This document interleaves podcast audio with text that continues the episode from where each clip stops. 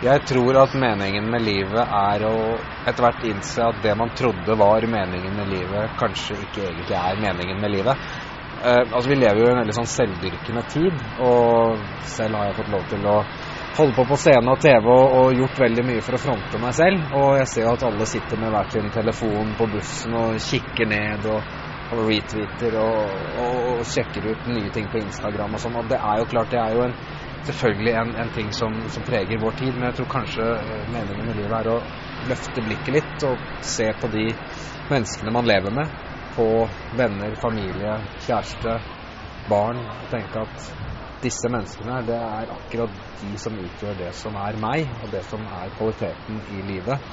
Jeg tror at når du blir eldre, det har slått meg mer og mer. Jeg har jo farta rundt og, og holdt på på, på, standup-scenen og tenkt at altså, der, der, ligger det. Bare applausen fra publikum er det jeg jakter etter. Men egentlig så er det jo øyeblikket og det å være sammen med mennesker jeg er glad i, jeg, jeg jakter på.